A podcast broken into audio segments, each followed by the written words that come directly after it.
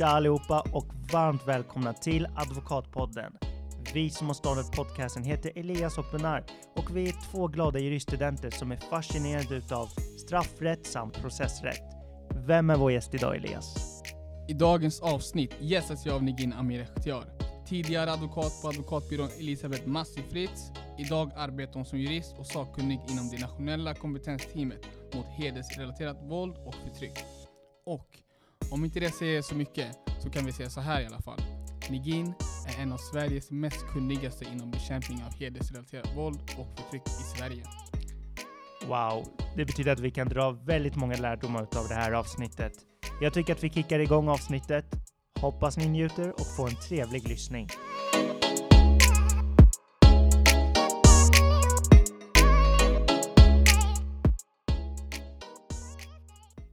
Varmt välkommen Negin Amir Ekhtiar till Advokatpodden. Tack snälla. Vad har du gjort idag?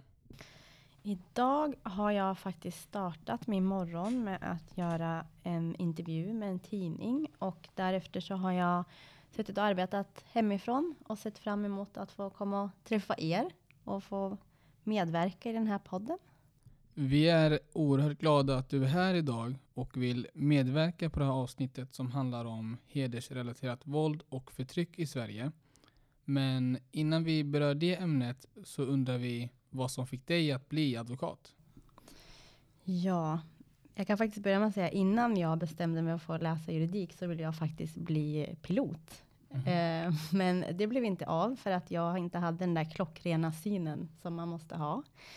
Eh, och sen så fick jag fundera på vad det är jag vill göra och jag har alltid sedan väldigt tidig ålder har jag alltid eh, varit en person som tycker om att argumentera. Eh, jag tycker om att stå upp för rättvisa och jag har väldigt svårt för personer som utnyttjar sin ställning i hemmet, personer som utnyttjar sin ställning eh, på arbetsplatser eller ute i samhället. Och eh, om ni skulle fråga mina vänner och också personer i Sundsvall där jag är uppvuxen så skulle de nog hålla med om att ja, Negin, hon är den där som alltid ska argumentera. Hon ska alltid ha en grund för allting som hon ifrågasätter. Och det var nog jag och min partner in crime, min bästa vän Pantia, som var kända som de två personerna som alltid skulle argumentera. Jag tror nog att Ja, men jag har nog argumenterat med de flesta vakter på alla krogar i Sundsvall.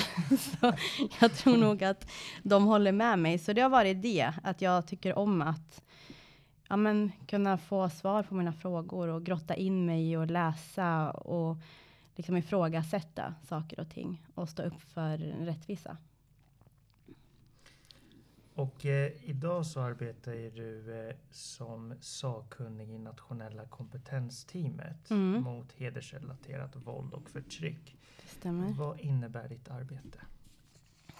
Eh, ja, jag, jobbar, jag är ju den som är ansvarig just för eh, de juridiska frågorna. Eh, Länsstyrelsen på Östergötland, de har ju haft det här uppdraget då kring hedersrelaterat våld och förtryck sedan 2005. Eh, och det uppdraget som vi då har i nationella kompetensteamet är ju framförallt att vi ska ge stöd och vägledning till yrkesverksamma som arbetar eh, med de här frågorna, som träffar eller kan komma att träffa också den primära målgruppen som är personer som är utsatta. Så att de då i sin tur kan ge det stöd och den hjälp som de personerna är i behov av och också har en rätt till. Men lite exempel på vad jag kan göra. Jag är ute och föreläser en hel del och utbildar yrkesverksamma. Eh, och då är det bland annat polis, eh, personal på skola, socialtjänsten, eh, åklagare eh, som jag träffat. Jag har också i min roll varit i kontakt med domstolar. Eh, vi svarar på remisser. Vi är med på inter intervjuer, är med på podd första gången jag får vara med här på en podd hos er. Eh, och sen har vi också en nationell stödtelefon där jag brukar hjälpa till och svara. Och det är en, en telefon dit yrkesverksamma kan ringa för att få hjälp och vägledning i, den här, i de här frågorna. Kommer det många samtal? Vi får in en hel del samtal och vi kan se också att de här samtalen till oss har ökat med åren väldigt stadigt. Eh, så jag har kollegor, vi har, jag tror att det vi är tre, fyra sitter de och bemannar den här stödtelefonen måndagar till fredagar. Eh, och då kan komma uppemot 13 samtal på en dag. Eh, och det är ändå relativt långa samtal där man får stötta och vägleda och hjälpa yrkesverksamma. Så det är yrkesverksamma personer som kan ringa in det. Det är inte de som vad ska man säga, lever i förtryck? Nej, precis. Nej. Vårt arbete riktar sig till eh, yrkesverksamma. Mm. Men det är självklart att vi har haft tillfällen då personer som är utsatta har ringt oss och då försöker vi hjälpa till med att vägleda och stötta dem vidare till vem de skulle kunna ringa till. Men just nu är vårt arbete på så sätt att vi arbetar direkt mot yrkesverksamma enbart. Okej, men eh, sen vad, vad, är hedersrelaterat våld och förtryck? Vad innebär det? Mm. För det är många, jag, jag tror att det är många som inte har koll på det. Mm, mm. Eh, det är ju en väldigt komplex och svår fråga. Vi brukar ju vara ute och föreläsa om just det här och vi kan spendera ibland en hel förmiddag till att prata om just vad är hedersrelaterat våld och förtryck. Eh, och det är svårt kanske att få med allting här i ett kortare svar. Eh, men när vi arbetar på nationella kompetensteamet, eh, det vi utgår ifrån, det är regeringens definition av hedersrelaterat våld och förtryck. Och det är en definition som man kan finna i en handlingsplan som finns för att bekämpa mäns våld mot kvinnor, eh, hedersrelaterat våld och förtryck samt våld i samkönade relationer. Och då finns ju den definitionen. Och jag tänkte för att det ska bli rätt och bra så vill jag gärna få läsa den definitionen för er. Absolut. Absolut. Eh, och då kan man läsa att det står att när det gäller hedersrelaterat våld och förtryck så är det kontrollen av flickors och kvinnors sexualitet som är central och starkt knuten till kollektivet. Och i hederstänkandet så står föreställningar om oskuld och kyskhet i fokus. Och familjens rykte och anseende ses som avhängigt flickors och kvinnors faktiska eller påstådda beteende. Och detta förhållande kan vara mer eller mindre uttalat och kontrollen kan sträcka sig från vardagliga former av begränsningar i flickors och kvinnors liv som berör exempelvis klädval, socialt umgänge och rörelsefrihet till livsval som utbildning, jobb, giftermål och skilsmässa. Och i sin mest extrema form så resulterar hederstänkandet i hot om våld och våld, inklusive dödligt våld. Och det hedersrelaterade våldets kollektiva karaktär, det innebär att det kan finnas fler förövare av båda könen och att offren kan vara både kvinnor och män samt flickor och pojkar. Och det kan också innebära att våldet sanktioneras av familjen och den närmaste omgiven, omgivningen, även av andra kvinnor. Så det är den definitionen som man kan hitta i den handlingsplanen och det är den definitionen som vi arbetar utifrån. Finns det någon eh, statistik eller någon uppskattad siffra på hur många i Sverige som lever under sådana förtryck idag? Vi, har ingen, vi, vi för inte någon statistik idag via nationella kompetensteamet, utan den enda statistiken som vi för är ju samtal som vi får in. Utifrån det så för vi en statistik. Eh, och den statistiken kan, vi, kan man hitta på vår hemsida, eh, www.hedersförtryck.se. Eh, om man går in där då så kan man se att vi uppdaterar den här statistiken kontinuerligt. Eh, och då kan man se den statistiken. Men då är det viktigt att man har med sig att de samtalen som vi får in, det är ju bara det vi får kännedom om, att vi för den statistiken utifrån det. Um, så är man nyfiken och vill titta på just det så kan man gå in på vår hemsida och läsa mer kring det. Och då har vi det också uppdelat kring exempelvis könsstympning, bortförande av barn, barn och tvångsäktenskap, våld och hot och så vidare. Ja, eh, efter att du läste upp definitionen om vad hedersvåld och hedersförtryck är, mm. eh, blir jag lite fundersam om uh, vad är skillnaden mellan hedersförtryck och eh, våld i nära relationer? Mm. Det är en fråga som vi också brukar ta upp på våra föreläsningar. Jag har en kollega, Bosse, som jobbar som polis. Och han ingår i vårt nationella kompetensteam. Och han tog upp på så sätt att han listade dem eh, sida vid sida. Och jag vet att tidigare så var det många som var emot att man gjorde den typen av uppdelning. Men något, det, något exempel som man kan ta upp, det är att och det här är jätteviktigt att jag vill säga det först, att det handlar inte om att man gör den uppdelningen i att det ena ska vara, att man ska se mer allvarligt på det ena över det andra. Det är inte det, utan det är för att man ska ha en hjälp och kunna förstå den här kontexten i hedersärenden och veta hur man ska handlägga och också veta hur man ska se på det.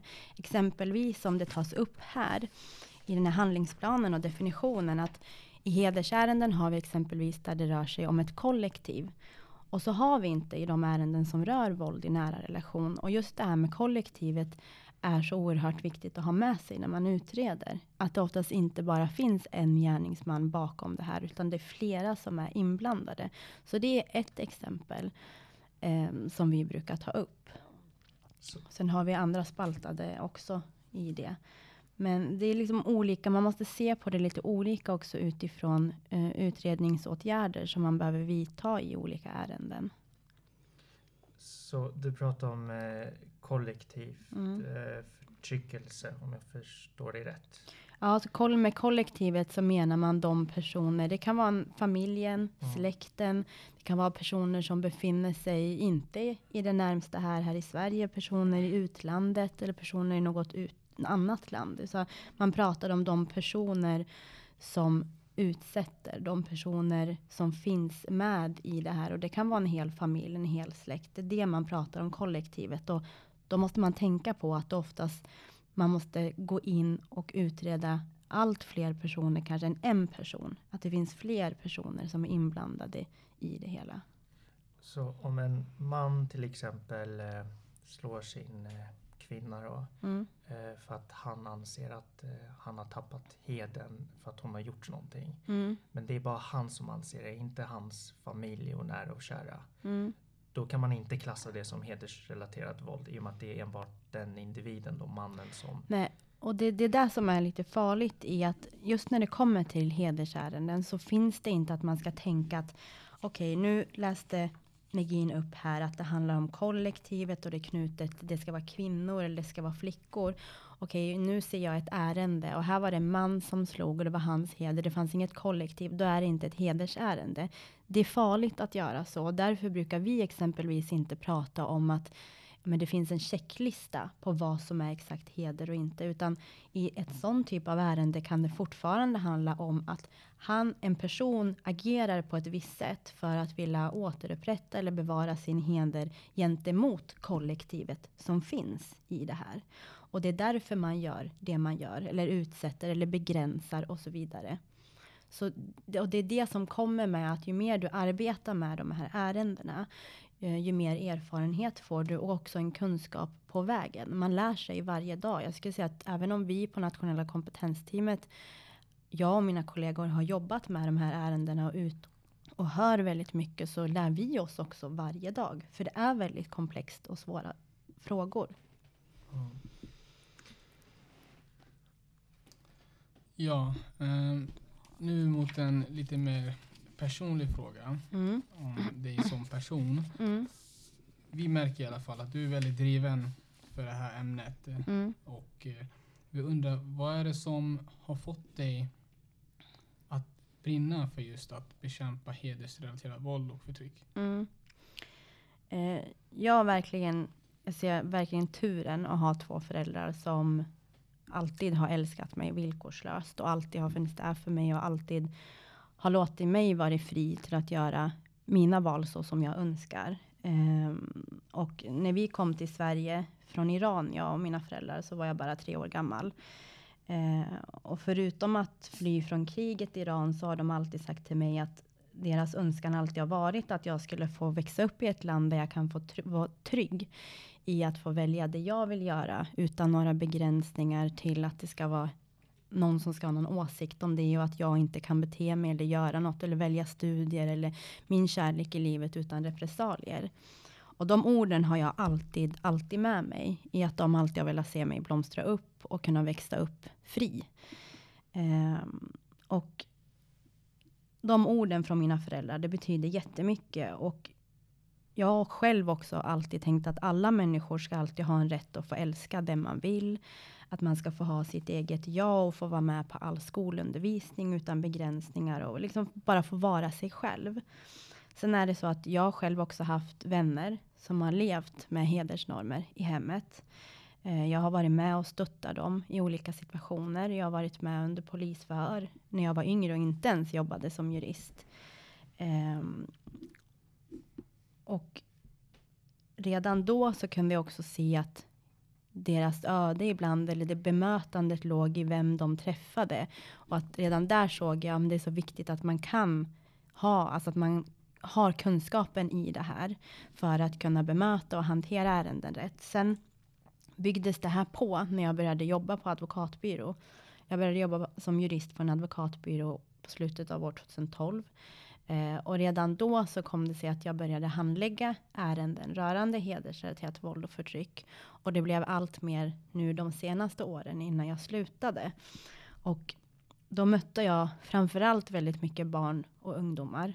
Eh, barn och ungdomar som jag kunde se mig själv i. För jag har också varit barn, jag har också varit en ungdom. Och jag kunde se det livet de levde i. Bara önskan i att ja, men kunna få vara ute med sina vänner och ta en fika. Eller att det handlade om att man fick aldrig själv välja vem man skulle få älska. Eh, de levde begränsningar, de levde med hot, både från föräldrar och det kunde vara syskon. Eh, och jag såg en väldigt, väldigt stor utsatthet hos dem. Eh, och när man är ett målsägande beträde eller en särskild företrädare för de här barnen så har man en väldigt tät kontakt med dem, vilket jag många gånger hade. Eh, jag vet att jag kunde åka ut efter arbetstid och fika med dem. Eh, för att det många inte förstår det är att de här barnen hamnar sedan inte i någon typ av frihet som många tror. Att man lämnar hemmet eller berättar om en situation i hemmet på grund av att jag vill leva fri och jag vill få den nyaste telefonen eller så. Utan de här barnen blir också väldigt, väldigt begränsade i att man ska leva skyddat. Man får lämna sin skola, man får inte ha kontakt med vänner, man får inte vara ute på sociala medier.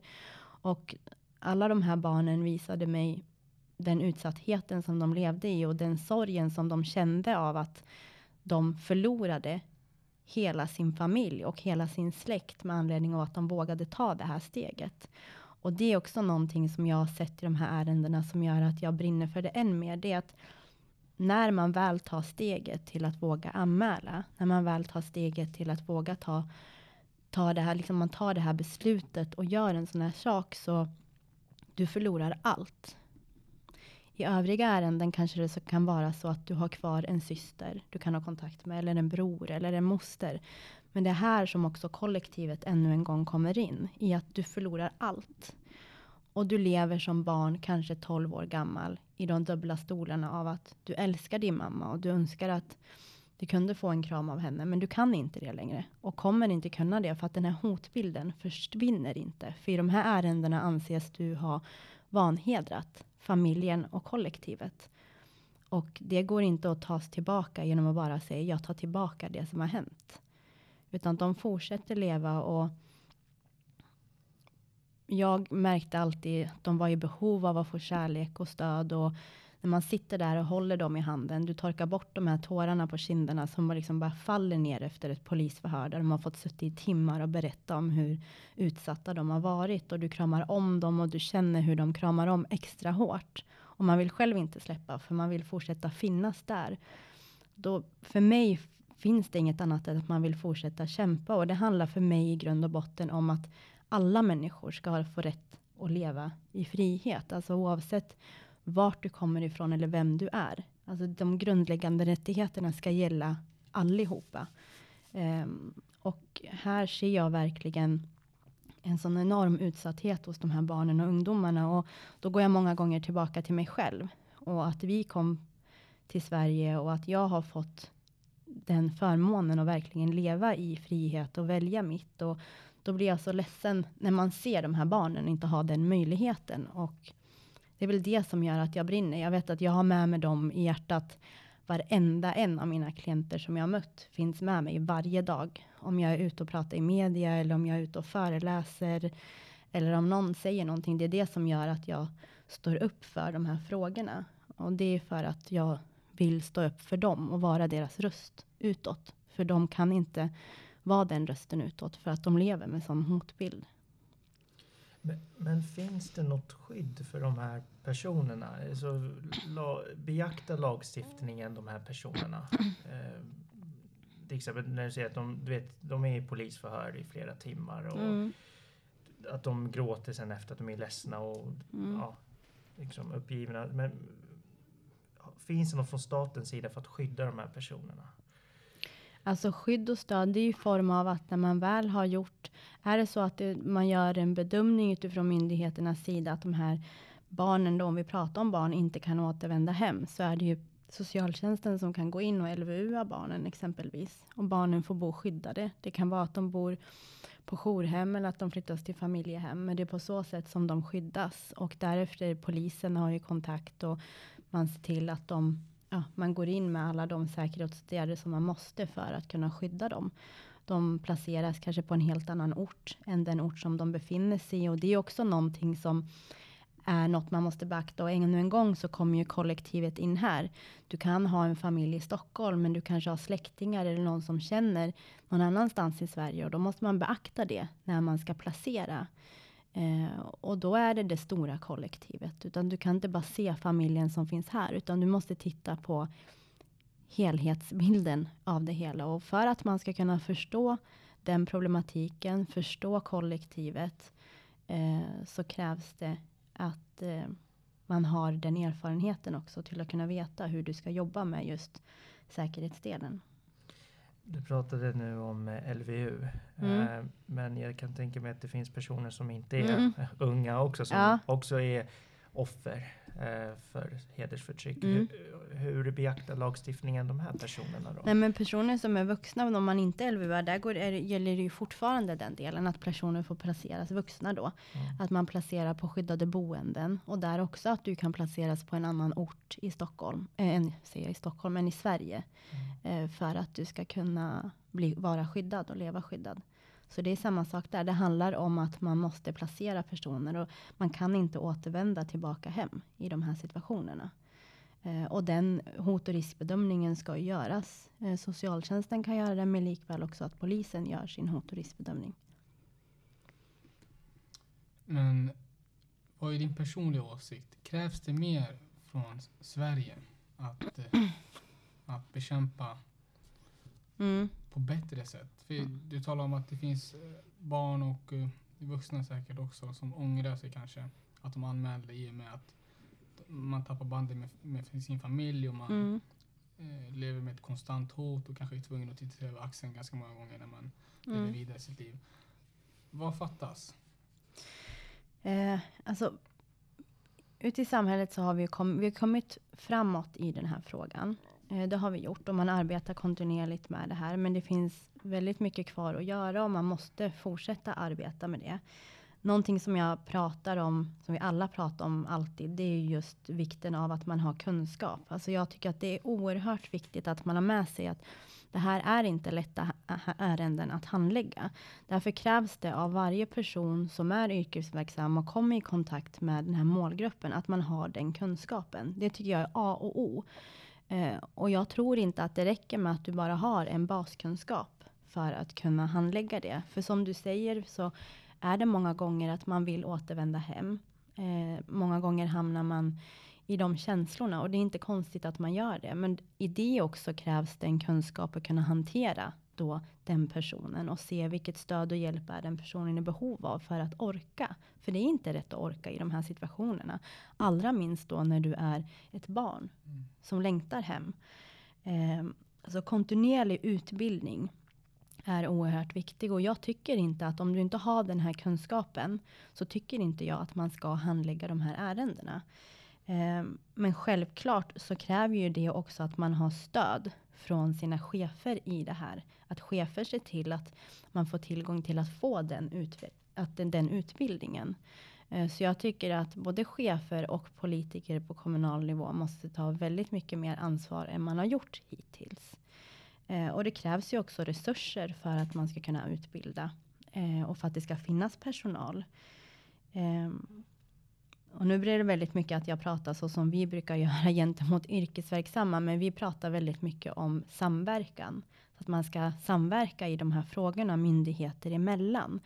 Eh, och det är också A och O. Eh, och många gånger pratar man om att man ska samverka, men samverkan för mig är mer än att prata om. Det krävs att man gör det. Så att skola har en samverkan med socialtjänsten, att socialtjänsten har en samverkan med polisen och det är nödvändigt eh, i de här ärendena. Eh, och sen att chefer också ser till att det finns rutiner på alla arbetsplatser och eh, att man följer upp, exempelvis om man har utbildning, att man följer upp från en chefs sida och ser hur gick det här? Blev det bra eller inte? Har vi kommit någon vart med frågan? Sen som jag sa till er så brukar ju vi också svara på remisser och en som har legat ute nu är en SOU som rör sig om ökat skydd mot hedersrelaterad brottslighet. Och där har man då kommit med olika förslag eh, på hur man ska kunna förstärka det här arbetet. Bland annat att eh, man ska ha en egen rubricering kring barnäktenskap. Att man ska gå in med att socialtjänsten ska kunna ut, använda sig av ett utreseförbud om man misstänker att barn ska föras ut ur landet. Så det är också en steg i rätt riktning att man gör just de här sakerna. Eh, men jag tycker att man måste fortsätta kolla på det här. Så vi har haft en lag om äktenskapstvång sedan år 2014 eh, och vi har bara sex domar på det i Sverige idag. Vi har haft en lag sedan 80-talet, liksom långt tillbaka gällande könsstympning och vi har bara tre domar i det. Så det finns väldigt mycket mer att göra. Eh, men jag tror att det är viktigt att man gör det också. Tror du att alltså, anledningen till varför det är så få domar, att det mm. beror på tystnadskulturen som finns i de här konstellationerna? Eh, utifrån, jag kan säga att utifrån statistiken som vi för, eh, så ser vi att vi får in väldigt många samtal om exempelvis att barn förs ut. Man kan också se att det har gjorts väldigt många polisanmälningar kring exempelvis äktenskapstvång om man säger så. Sen absolut eh, att, att det råder en tystnadskultur och att man inte vågar anmäla. Det är en sak, men vi ser ändå att det finns ju. Man gör anmälningar, men mycket läggs ner. Eh, och då måste man nog titta på det också. Vad är skälet till att det läggs ner? Vad är skälet till att vi har haft en lag sedan 2014 och bara har sex domar i det? Um, och för jag tycker att det är ett misslyckande från samhällets sida att det ser ut på det sättet. Och det är ju vi yrkesverksamma som då måste se över det. Är det problem med att tolka lagen? Är det det? Behöver vi utbilda mer? Um, är det så att man inte utreder de här ärendena ordentligt? De personer som utreder, behövs det mer utbildning och erfarenhet när man gör det och så vidare. Uh, så vi har ju konkreta exempel på att mer behöver göras. Men då är det viktigt att man också arbetar utifrån det. För att vi kan ju inte ursäkta att ha så få domar till personer som är utsatta med att det är svårt att utreda eller att uh, det finns bevissvårigheter. Då måste man titta på det och se vad kan vi göra mer. Finns det något eh, specifikt fall som berör dig särskilt när det gäller hedersrelaterat våld och förtryck? Mm. Eh, vi har ju handlagt en del ärenden kring eh, hedersrelaterat våld och förtryck, men det finns ett specifikt ärende som jag själv faktiskt också brukar ta upp när jag brukar föreläsa. Och det rör sig om en flicka där jag förordnades som särskild företrädare för henne. Eh, och eh, det var nog den personen, den flickan som jag också valde att träffa innan jag slutade på advokatbyrån som jag arbetade på innan. Eh, och det var en flicka som var utsatt för våld och kränkningar i hemmet. Eh, och jag förordnades då som hennes särskilda företrädare och fick i samband med det också veta att hon hade speciella behov och att jag var tvungen att jag skulle ha det i beaktande. För att som särskild företrädare åker man ut till skolan och hämtar barnet till polisförhör. Och då brukar de oftast också ha med sig en person som de känner sig trygg med och i det här fallet så var det hennes lärare. Eh, och jag kom till skolan och den morgonen så berättade hennes lärare för mig att vi får se om hon vill följa med till polisförhöret idag. För att hon har haft en sisådär dag. Eh, och då kom jag in till skolan och då satt hon där vid sin skolbänk och satt och eh, ritade i ett block som hon hade. Eh, så jag kom fram till henne med hennes lärare och så hade hon på sig en jättefin keps som var jätteglittrig som hon liksom hade lagt på sidan. Eh, och jag kom fram och sa hej och presenterade mig och vem jag är och vad jag gör. För jag tycker att det alltid är oerhört viktigt att vara ärlig om vem man är och vad man gör där. Och då kollade hon upp på mig lite snett över sin keps och så tittade hon på sin lärare och så sa hon, är det här din flickvän eller? Och jag tänkte, mm. ja inte hans flickvän, men jag bjuder på den. eh, och han sa, nej men hon vill gärna prata med dig. Och jag hade just i det här fallet, jag brukar inte göra det. Men då hade jag köpt med mig två vinerbröd och en Festis. Eh, så jag tänkte att det kan vara bra att ha om vi ska sitta och prata om, just för att jag visste också att det kanske skulle bli lite svårare i det här fallet att få med henne. Um, och eh, efter ett tag när hon hade fått sitta och rita ett tag så frågade jag henne om det var okej okay att vi gick och hon kollade lite skeptiskt på mig. Eh, men då öppnade jag upp min väska lite och så visade jag det här vinerbrödet och då sa hon, är den min? Och då säger jag, ja men om du följer med så ska vi bara sätta oss och prata så kan du få den av mig. Eh, och eh, då följde hon med och vi satte oss ner och pratade och hon åt på sitt vinerbröd. Och eh, jag hade fått OK av hennes lärare att hon skulle få den. Och då förklarade jag för henne att jag är att jag då arbetade som advokat och att jag var där för att jag hade fått information om att eh, hon kanske inte hade det så bra hemma och att vi skulle prata eh, tillsammans och åka till polisstationen. Eh, och som många ungdomar så reagerade hon först lite negativt och trodde att om hon ska prata med polisen så trodde hon att hon har gjort något dåligt. Vilket jag förklarade, så var inte fallet. Men jag sa att vi får se vad polisen vill prata om med dig så lovar jag dig att vi kan åka därifrån om det blir för jobbigt för dig. Så vi åkte och satte oss i taxin och hennes lärare följde med. Och väl i taxin så satte hon på musik och tyckte att det var jätteroligt att dansa och sjunga. Så jag märkte att det var hennes grej. Um, hon började också berätta om att hon var utsatt i hemmet. Och jag visste ju att det är inte någonting som jag kan föra vidare polisen, utan det är något de behöver höra att hon berättar om själv. Eh, så när vi väl kom fram till barnahus eh, så fick vi gå in i ett rum. Och det tog lite tid innan den utredare som skulle höra henne kom. Och då fick jag bjuda på både dans och sång där inne. För hon satte på musik och det var Youtube och det var alla typer av sånger. Um, men till slut så kom polisen och vi skulle gå in i förhörsrummet.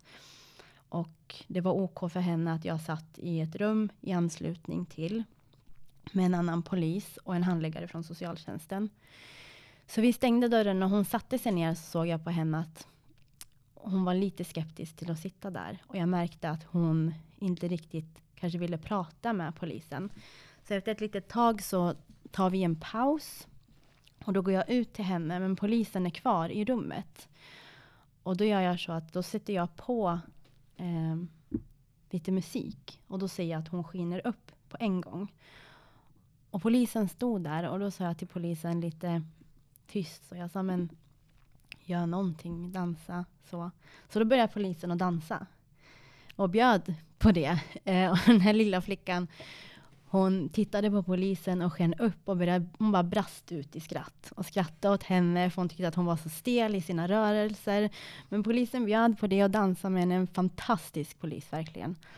Eh, och det här gjorde att den här lilla flickan kunde få tänka på något annat än det här jobbiga i några minuter. Vilket hon behövde. Eh, och efter det så satte hon på det här polisföret och faktiskt berättade om hur hon hade haft det i hemmet. Eh, och den här flickan, hon är väldigt, väldigt speciell för mig, för att hon lärde mig verkligen vikten av att man ser barn för att för vilka de är, alltså små, energiska, kärleksfulla människor. Eh, och jag förordnades också som hennes ombud i LVU-förhandlingen. Och eh, hon var väldigt arg många gånger när jag träffade henne och likaså handläggaren från socialtjänsten. För att hon tyckte bara att vi ställde jobbiga frågor och hon tyckte att hon brukade säga det till mig att oavsett vad min förälder gör mot mig Nigin så är det mitt kött och blod. Jag kan inte svika mitt kött och blod. Eh, och jag och handläggaren var alltid väldigt noggranna med att säga till henne att oavsett kött och blod så har man aldrig rätten att skada sitt barn. Eh, och det är viktigt att du alltid vet att du har rätt att bli älskad och så vidare. Eh, och inför den här LVU-förhandlingen så beslutade vi med anledning av situationen i ärendet att hon inte skulle närvara där. Men jag sa till henne att jag ska gå dit och jag sa också till henne att du kan få hälsa. Finns det något du vill att jag hälsar domaren när jag är där? Och hon tog upp fem saker som hon ville att jag skulle hälsa. Bland annat så sa hon i slutet att Negin, jag vill också att du ber dem ge mig mitt pass. Jaha, sa jag, varför då? Hon sa för att du, jag och du ska åka till New York och shoppa om Donald Trump släpper in oss. och då tänkte jag, den här tjejen, hon, hon vet vad hon pratar om. Jag sa, jag ska göra det. Och jag sa faktiskt det. För det var hennes önskan. Och eh, jag var hennes ombud. Och jag ville att det var ju fler önskningar också som hon hade som var lite annat än att shoppa. Men, eh, men vad, vad sa domaren då? då när du... Nej, men det är, det är inte så att man liksom, hon kollade på mig och skrev ner allting som jag sa. Så allt skrevs ner och, och det var jag sa det. Hon var väldigt noggrann med att allt det här ska komma fram. Um, och uh, min kontakt med den här flickan fortsatte. Men tyvärr efter cirka en vecka så, så bytte de handläggare på socialtjänsten. Um, så det kom in en ny handläggare. Ehm, jag får ett samtal. Ehm, det var en jättebra handläggare som jag hade haft, vi hade haft innan i det här ärendet. Jätte, jättebra, där vi hade en jättebra samverkan. Och eh, sen så gick det en vecka och jag får ett samtal vid sjutiden på kvällen där jag hör tumult i bakgrunden och då är den här flickans jourmamma som ringer till mig och berättar att den här flickan var på skolan och att hon mådde jättedåligt eh, och var nära på att ta sitt liv. och jag frågade varför och vad det var som hade hänt med anledning av att allt hade varit OK. Eh, men då fick jag veta att när det hade kommit in en ny handläggare så hade man tyvärr beslutat om att när flickans pappa då skulle få träffa henne. Eh, vilket var ett felaktigt beslut för att eh, det påverkade den här flickan väldigt, väldigt dåligt. Eh, och den diskussionen hade jag med den handläggaren. Eh, och hon den här flickan jag hade så mycket kontakt. Alltså hon ringde till mig i princip varje dag. Jag tror alla tjejerna som jag jobbade med på advokatbyrån visste vem hon var. Jag kunde sätta henne på högtalare när jag satt i rummet. För att hon behövde det här stödet från mig. Eh, och jag kom att bli en person som hon litade på. Som, jag kunde, som hon kände att hon kunde prata med. Och jag vet att när jag väl skulle sluta på byrån så valde jag att besöka henne där hon var. För jag var fortfarande förordnad som hennes särskilda företrädare då. Och jag fick åka ut där hon bodde. Eh, och när jag kom den dagen så knackade jag och den person som var ansvarig på hennes dörr. För hon hade fått ett helt eget rum som jag visste också var hennes dröm. Och först så ville hon inte öppna den här dörren. Men när jag sa mitt namn då öppnade hon en liten glipa i den här dörren. Och så tittade hon på mig. Så puttade hon ut handläggaren. Och sen så drog hon in mig i rummet. Och sen så visade hon det här jättefina. Hon hade en egen toalett. Hon hade jättefint i rummet. Och vi satt och dansade. Självklart hörde dans och sång till i det här. Och vi... Eh, efter 45 minuter när jag hade suttit med henne, då sa hon till mig, Negin, vet du vad? Och då sa jag vad? Eh, då sa hon till mig att oavsett om någon är ditt kött och blod så har de inte rätt att slå dig. Och för mig betydde det så oerhört mycket. För för mig så visade den flickan som var 14 år gammal, hon visade för mig vikten av att man alltid tänker på att oavsett vem du träffar, berätta alltid för dem att de har rätt att bli älskade. Berätta alltid för dem att det som händer är fel. För någon gång kommer det här att landa hos dem. När de väl kanske har kunnat få landa i sig själva. Och hennes situation visade också för mig vikten av att man samverkar myndigheter emellan. Och det här för mig är ett jättebra exempel att alltid ta upp. Och jag kommer aldrig kunna tacka den här flickan nog för att hon fick mig att se de här sakerna. Och alla mina klienter som jag haft i alla ärenden visar alltid mig någonting. De lär alltid mig någonting. Så det är de jag alltid har med mig när jag föreläser och när jag pratar. Och hon har verkligen, hon står mig så jättenära hjärtat. Verkligen. Eh, så henne kommer jag aldrig glömma. Och de saker som hon lärde mig. Men det är ett av flera, flera ärenden som jag har handlagt. Wow, vilken historia alltså. Mm. Vad säger du Elias? Jag är så nyfiken. Mm. Jag undrar, hur mår hon idag? Har ni någon kontakt fortfarande? Jag har Eller- inte någon kontakt med henne idag. Eh, men jag vet utifrån att jag hade kontakt med hennes handläggare inför att jag skulle sluta. Eftersom det blev sånt tumult där på slutet. När man valde att låta henne. Hon berättade för mig själv att hon var inte redo att ha kontakt med sin pappa. Och jag visste att hon skulle få bo på det här boendet en längre period. Eh, hon hade bra handläggare eh, som hade en kontakt med de, som, de personer de behövde ha en kontakt med. Så när jag lämnade henne så mådde hon bra. Det var en helt annorlunda flicka. En glad och lycklig flicka och en flicka som har skinn på näsan och visste vad hon ville. Eh, och jag tror att, och jag hoppas verkligen på att hon mår bra idag. Men det är det som är lite med det här jobbet också. Att, eller när man jobbar på byrå, det är att när det kommer till barn så kan du ju inte ha den längre kontakten alltid när du väl har avslutat ett ärende. Med vuxna kanske det är lite annorlunda. Men man måste också låta dem få fortsätta eh, och hitta kontakter i de övriga som de möter. Och det var så jag fick göra lite med henne. Men eh, ja, jag kommer aldrig glömma henne. Och jag, hon kanske inte glömmer mig. Jag tror faktiskt inte det. Vi hade ett väldigt fin relation faktiskt. Jag tror inte det är många advokater som har dansat med henne. om. Nej, man får göra så ibland. Eh, och den polisen var verkligen fantastisk som bjöd på det. Och ibland får man göra det. Jag tror alla som har jobbat som ombud vet att ibland får man liksom släppa ner garden av att vara det stela ombudet. Och vara lite mänsklig också.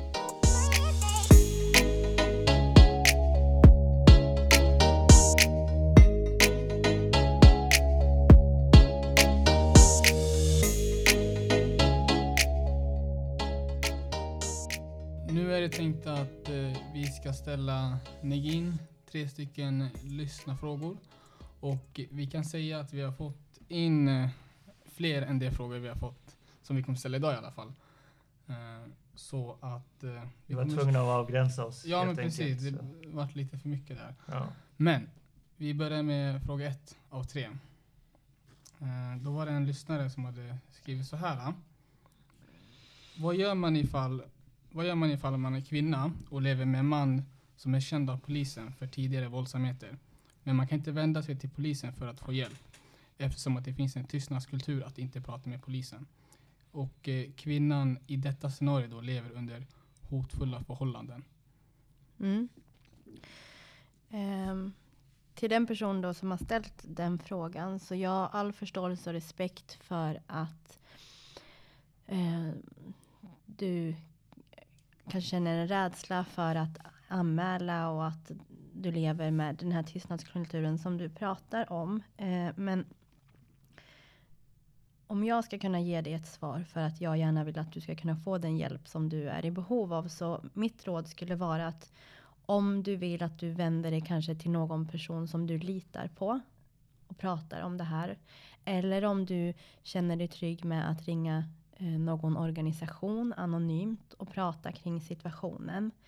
Eh, och därigenom kanske då kunna få hjälp och stöd för att du ska kunna våga göra en polisanmälan. Eh, är det så att du ska besöka en polisstation och göra den här anmälan så kan du kanske möjligtvis också ta med dig en person som du litar på. Så att du kan ha någon där som du känner dig trygg med.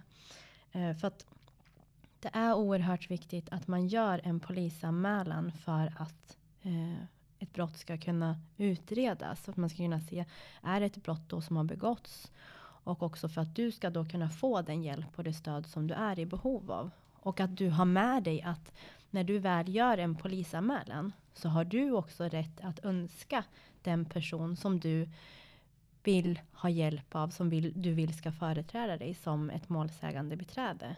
Och då är det bara att du då namnger den person som du önskar. Um, så jag, jag har full förståelse och respekt, men för att du ska kunna få den hjälp du är i behov av är det ändå viktigt att man gör en polisanmälan. Så mitt tips är att du vänder dig till någon du litar på och se om den personen kanske möjligtvis kan då hjälpa dig med det här. Ja, sen har vi fått en annan lyssnarfråga också. Och den här personen undrar hur förhåller sig diskursen kring hedersproblematik till stereotyper om muslimer? Mm.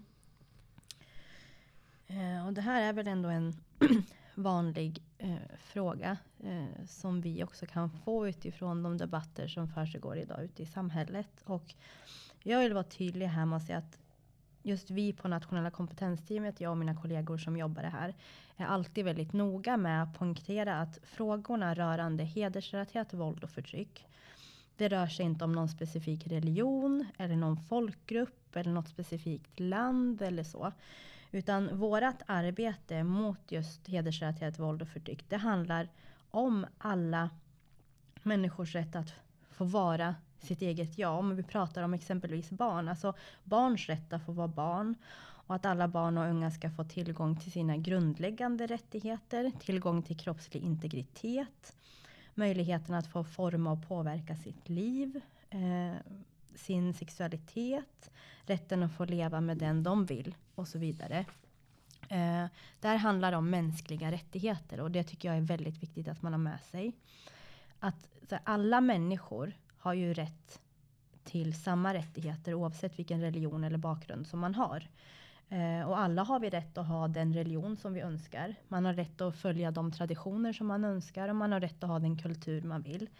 Men det som jag tycker är viktigt att man då har med sig i det, i alla de här rättigheterna som vi har med det, är att vi är en demokrati, alltså man här i Sverige har också en skyldighet att se eh, handlingar som utgör brott eh, mot lagar eller mot exempelvis barnkonventionen, mot de mänskliga rättigheterna. Och att man får aldrig försvara sitt handlande och mena på att man gör det på, på grund av en kultur eller en religion eller en tradition. Så de punkterna är ändå viktiga att man har med sig. Eh, och att det är viktigt att man inte stigmatiserar men samtidigt att det är viktigt att man ser och hjälper de personer som är utsatta. För det är det vi ska fokusera på. Vad är det största problemet idag som socialtjänsten gör när de tar emot en ung flicka som visar tecken på att hon utsätts för hedersförtryck? Mm. eh, ett problem som vi har sett det är att man idag kan ha ett alltför stort föräldraperspektiv. Eh, och här kommer ju då, jag har ju tidigare pratat om vikten av kunskap och erfarenhet och här kommer ju det in. Eh, också i det här ärendet som jag tog upp som exempel, att där tycker jag också att man hade ett alltför stort föräldraperspektiv istället för att ha ett barnperspektiv. Eh, sen ska givetvis alla ärenden hanteras olika. Men det är inte alltid det bästa för alla barn att i alla lägen leva hos sina föräldrar. Um, och just den här typen av ärenden så måste man se problemet i dess, i dess helhet. Man måste se kollektivet, man måste se hotbilden och utsattheten som finns. Uh, och se till att i första hand skydda ett barn och därefter fortsätta sitt arbete. Uh, men det man också ska tänka på när man pratar om personer som arbetar med frågorna och exempelvis socialtjänsten är att det här ligger ju inte på en enskild handläggare utan det här är ju ett arbetssätt som finns och det är någonting som man behöver arbeta med för att det ska bli det bästa för alla barnen. Ja, det var allt för idag och eh, mm. vi vill tacka dig jättemycket för att du kom hit. Ehm, och om man är utsatt för hedersförtryck och våld, mm. vart kan man vända sig? Om man går in på vår hemsida som jag nämnde tidigare, www.hedersförtryck.se blir det, så kan man där se att vi har staplat upp namn på olika organisationer som jobbar med de här frågorna. Eh, som man också då kan ringa som utsatt. För att, och där kan du prata, du behöver inte namnge vem du är. Utan där kan du ringa för att få hjälp och stöd och vägledning kring de här frågorna. Sen kan man också ha med sig att det finns många advokatbyråer som har fri juridisk rådgivning. Som man också skulle kunna eh, ringa för att få lite kortare rådgivning kring hur man kan göra i olika situationer. Men eh, att man alltid vet att man har rättigheter och att du alltid har rätt att också få önska dig ett målsägande beträde som kan hjälpa dig med frågorna och se till att den personen har kunskapen kring den problematik som han eller hon ska hjälpa dig med.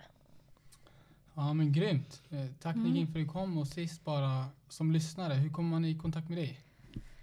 Ja, Nu, nu, nu ser inte lyssnarna det, men nu tar jag upp min telefon för att hitta mitt arbetsnummer. För så, så mycket kan jag med mitt Ja. nummer.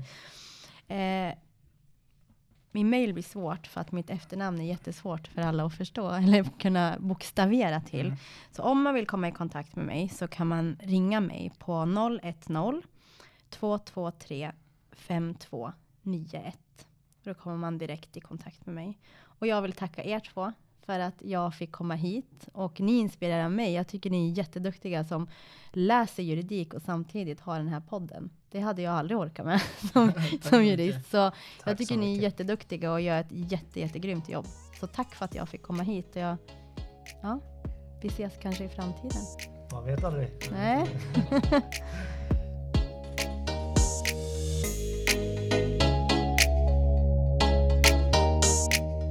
Det här avsnittet var väldigt lärorikt och intressant. Vi är oerhört tacksamma för att Nigin valde att dela med sig av sina erfarenheter med oss. Glöm inte att följa oss på Facebook och Instagram under namnet Advokatpodden.